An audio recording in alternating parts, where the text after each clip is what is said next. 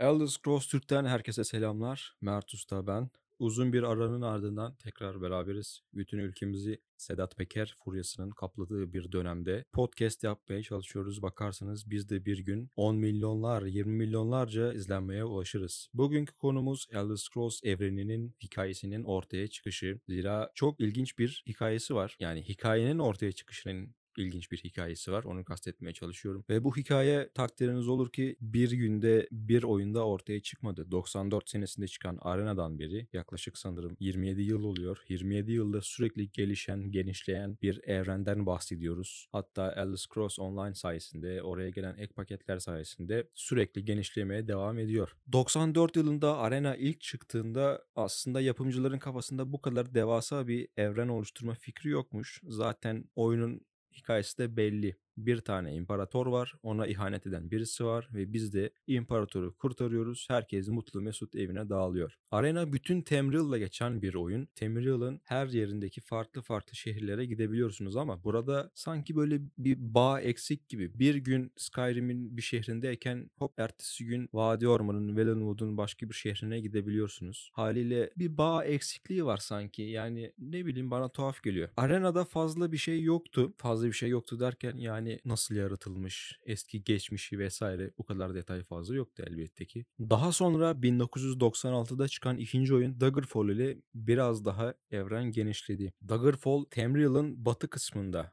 Ulukaya dediğimiz Hayrak ve Balyozyurt dediğimiz Hammerfell bölgesinin böyle birleşimi İlyak Bey var orada İlyak Körfezi. O kısımda geçen bir oyun. Böyle daha çok şey gibi orta çağı andıran şehir devletleri halinde yaşayan Bretonlar ve Kızıl Muhafızların yer aldığı bir oyun. Orada da yine bölgeye yeni krallıklar, yeni karakterler eklenmiş durumda. Yani evren biraz daha genişlemiş. Ama tam olarak henüz bugünkü anlamıyla oturmadı. Biz her ne kadar tabii Daggerfall'da yani o İlyak Bey bölgesinde işte 10 tane 8 tane krallık var desek de oyunun motoru öyle bir şey ki 10 binlerce 30 bin tane köy olduğu söyleniyordu yanlış hatırlamıyorsam. İnanılmaz bir şey. Sürekli oyun size kendi kafasından bir dungeon üretip duruyor. Hatta Daggerfall haritasının şu ana kadar çıkmış olan oyunlar arasında çıkmış oyun olan oyunlar derken GTA, Red Dead Redemption gibi açık dünya oyunlarını kastediyorum. En büyük haritaya sahip oyunlardan bir tanesi de Daggerfall. Daggerfall'dan sonra gelen oyun ise Morrowind değil. 98 yılında çıkan Elder Scrolls Adventures Redguard adında bir spin-off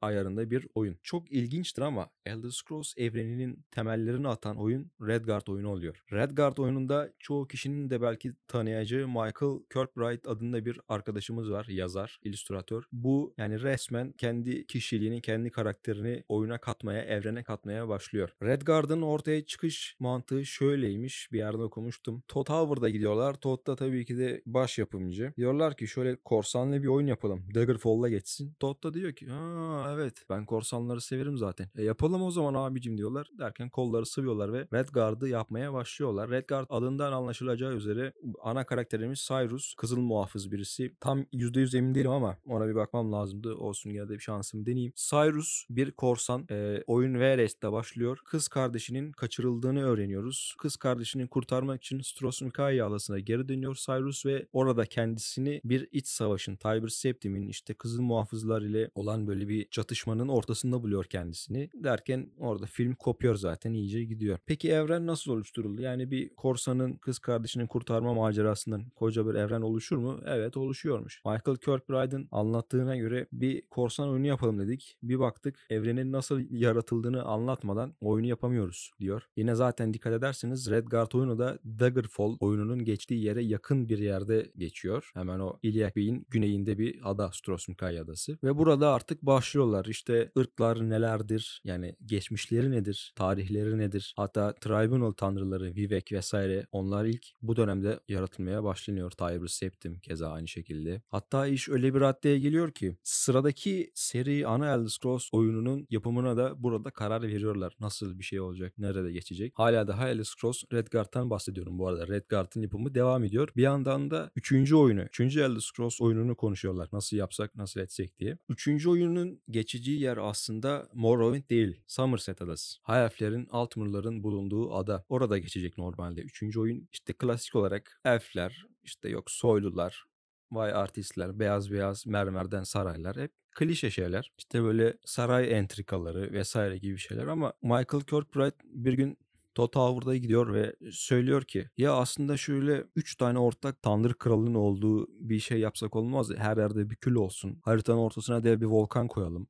Ondan sonra devasa böcekler olsun. Yani böyle birazcık ezber bozan bir şey yapmaya çalışıyorlar. Ve tamam diyorlar ki o zamanlar böyle bir şey yapmak da yapımcıların söylediğine göre büyük bir riskmiş. Hiç daha önce böyle acayip değişik şeyler yapılmamış onlara göre. Üçüncü oyun Somerset'te geçecekken bir anda Morrowind'de karar kılıyorlar. Haritanın ortasına dev bir volkan çiziyorlar ki Red Mountain orası da Kızıldağ. Oradan hikaye türemeye başlıyor. İşte üç tanrı, yok Dagotur varmış, Lorca'nın kalbi varmış. Bunların hepsi Redguard oyunu bir yandan yapılırken ortaya çıkan şeyler. Michael Kirkbride hem Redguard'ın hem de aslında 2002'de çıkacak olan Morrowind'in yapımında da görev almaya başlıyor bu dönemde. Zaten şöyle bir baktığımızda hani Morrowind gerçekten ilginç bir oyun.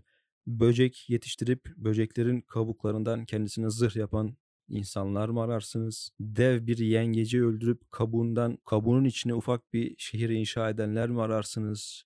Tarifi değişik bir oyun yani. Daha sonra çıkan Elder Scrolls oyunlarıyla bile karşılaştırıldığında çok ilginç bir atmosferi var orasının, Morrowind'in. Yani özetle bu Morrowind, Morrowind'in hikayesi ve o tanrılar bütün her şey Michael Kirkbride denen arkadaşın başının altından çıkma şeyler. Kendisi de zaten yanlış hatırlamıyorsam Doğu dinleri gibi bir şey mezunuydu. Hinduizm, Budizm gibi konuları çok meraklı ki ki bunların etkilerini zaten bol bol görüyoruz biz. Elder Scrolls'un Morrowind'inde Vivek'in böyle meditasyon yapar gibi havada uçması ve bu sayede evren oluşmaya başlıyor. Michael'ın şöyle bir anısını okumuştum.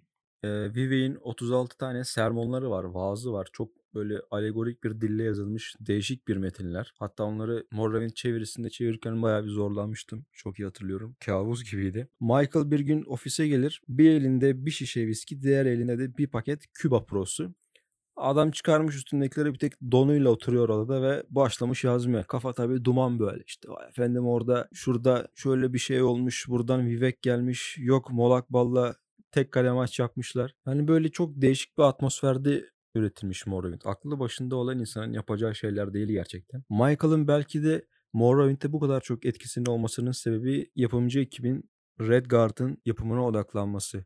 Böylece Michael daha çok boş alan bulmuş oluyor kendisine ve hem Todd Howard'ı hem de lead designer olan Ken Ralston'ı böyle çok güzel bir şekilde kandırabiliyor. Ve bu sayede Redguard geliştirilirken Morrowind'in geliştirilmesine de zemin hazırlanmış oluyor. Bir diğer etmen Elder Scrolls evreninin bu kadar geliştirilmesini bir diğer etken de bu yapımcıların kendi arasında Bethesda forumlarında yaptıkları roleplay'ler. Ee, sanırım en sonuncusu 2005 yılında mı neydi? Böyle adamlar hepsi bir karakteri temsil ediyor. Vivek'in duruşması gibi bir konu vardı. Bu tip roleplaylerle evreni iyice genişletiyorlar. Yani sadece oyunu yaparken değil, oyun bitmiş çıkmış. Adamlar kendi aralarında konuşuyorlar, sohbet ediyorlar. Oyuncular da dahil buna.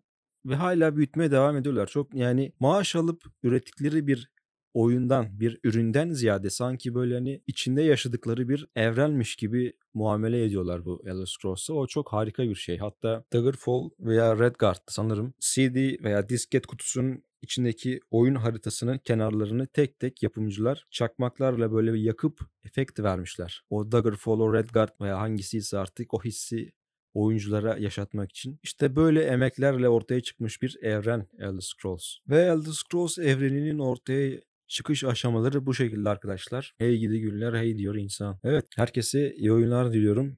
Bir sonraki videomuzda görüşmek üzere. Hoşçakalın.